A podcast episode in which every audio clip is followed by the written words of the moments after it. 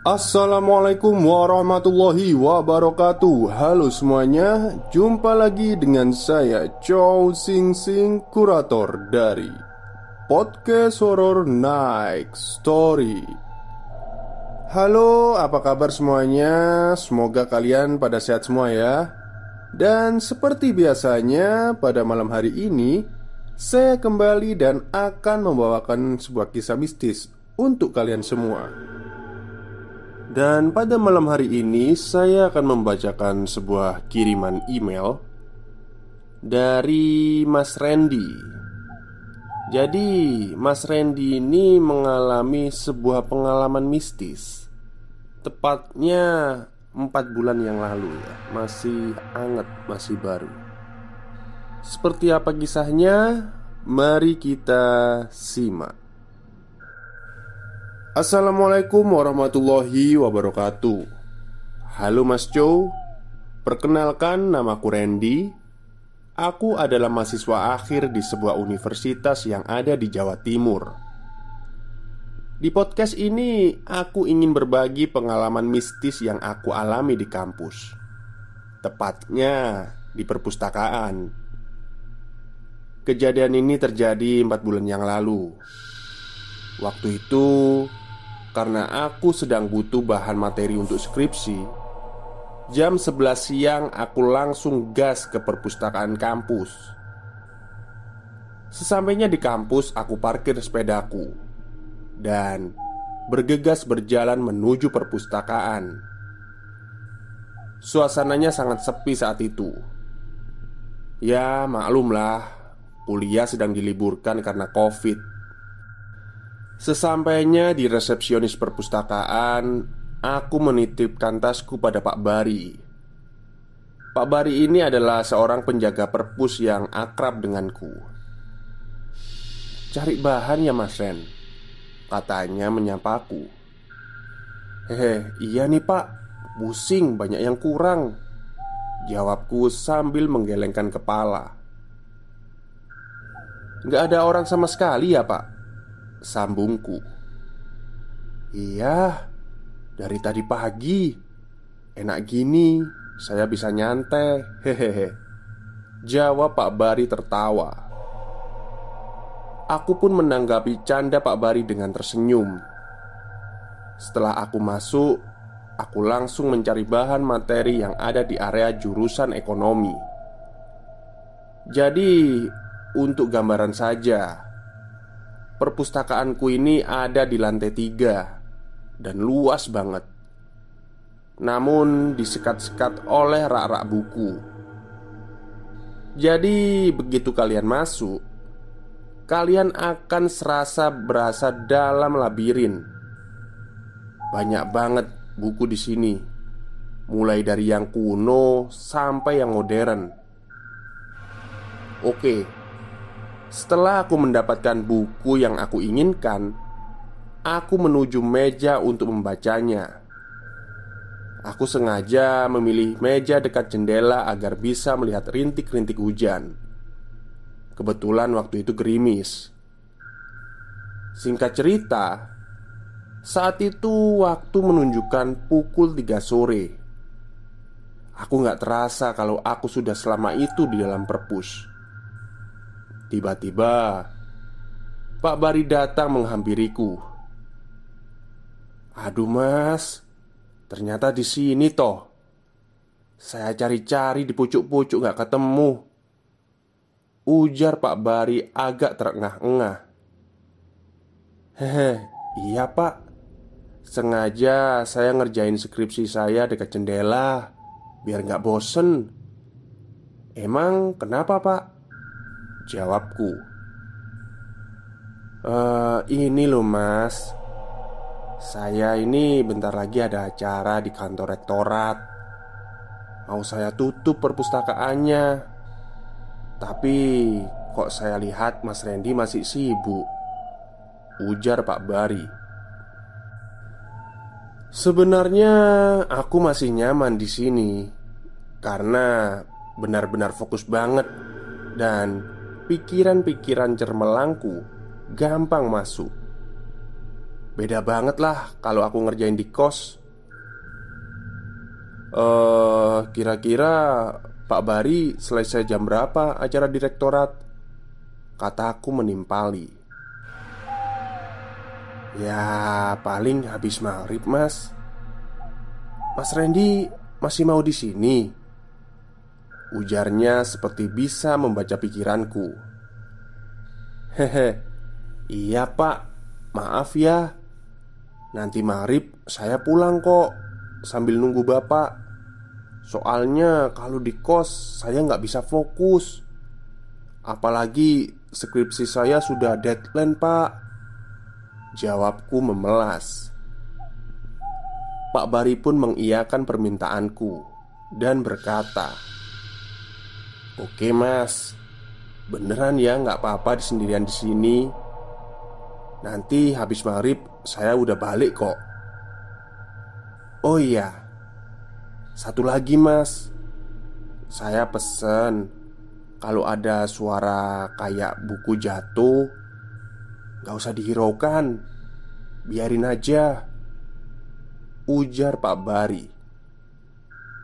Aku pun mengernyitkan dahi uh, Emang kenapa pak? Tanyaku Gak apa-apa. Udah yang penting gak usah dihiraukan Kata Pak Bari lagi. Singkat cerita Akhirnya aku sendirian. Pak Bari sudah meninggalkanku sejak tadi. Aku pun mulai bergelut dengan buku-buku lagi Kulihat dari jendela Suasana di luar sudah mulai gelap.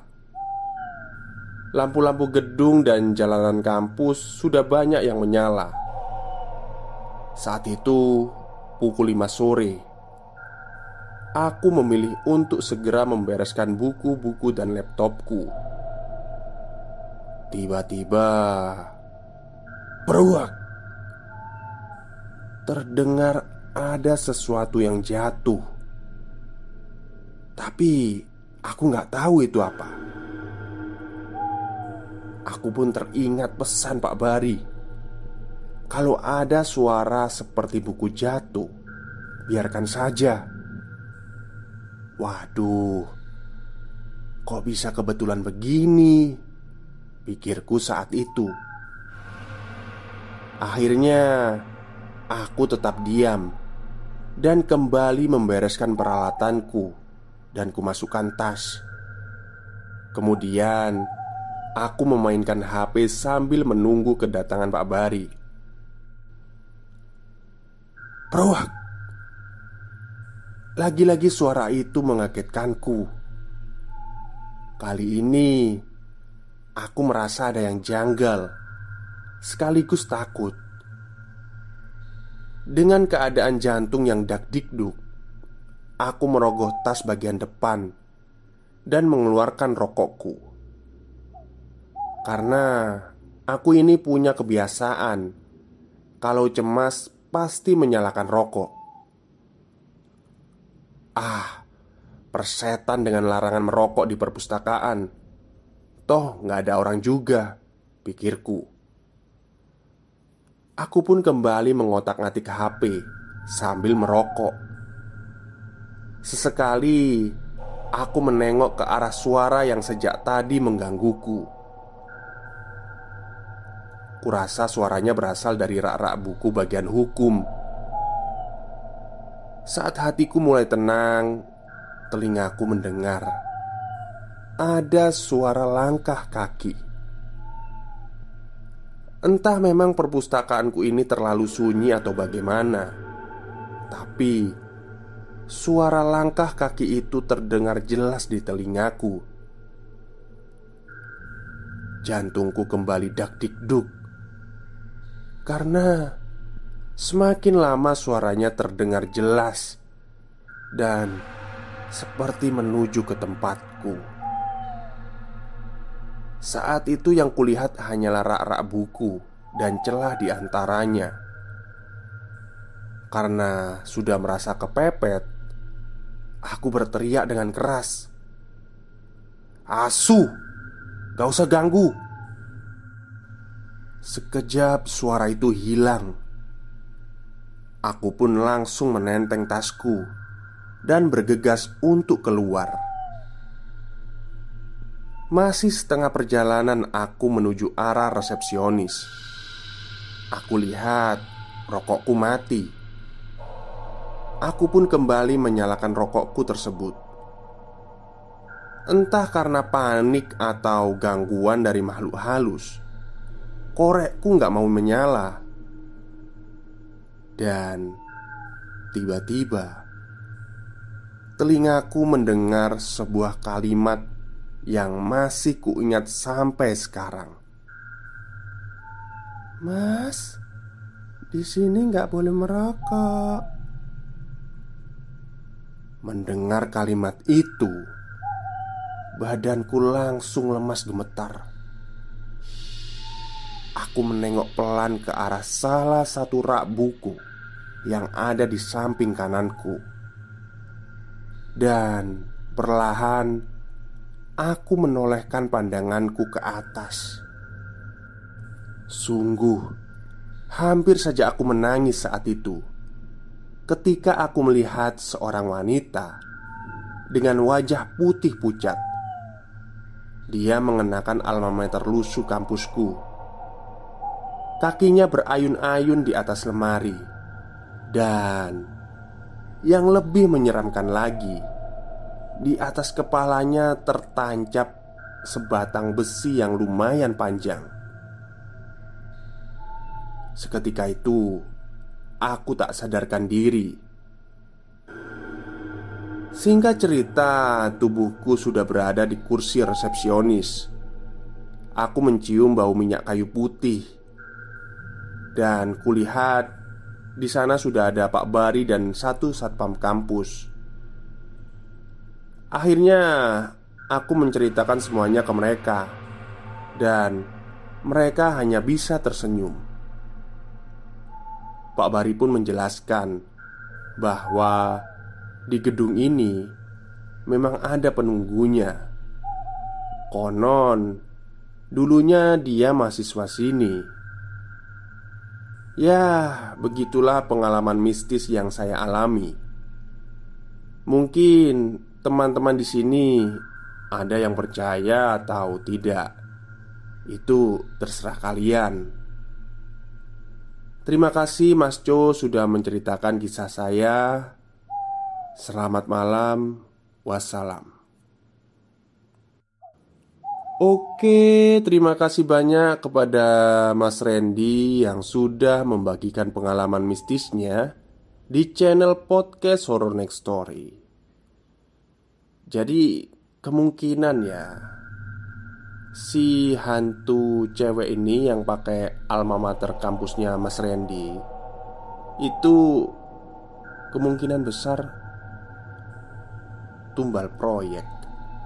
Ya, saya nggak mau bilang seperti itu. Karena saya kan di ceritanya itu kepalanya tertancap sebuah batang besi Biasanya batang besi itu kan adanya di sebuah uh, proyek pembangunan ya. Ya, saya nggak tahu lagi lah. Mungkin itu saja ya yang bisa saya sampaikan pada malam hari ini. Semoga Anda semua terhibur. Selamat malam dan selamat beristirahat.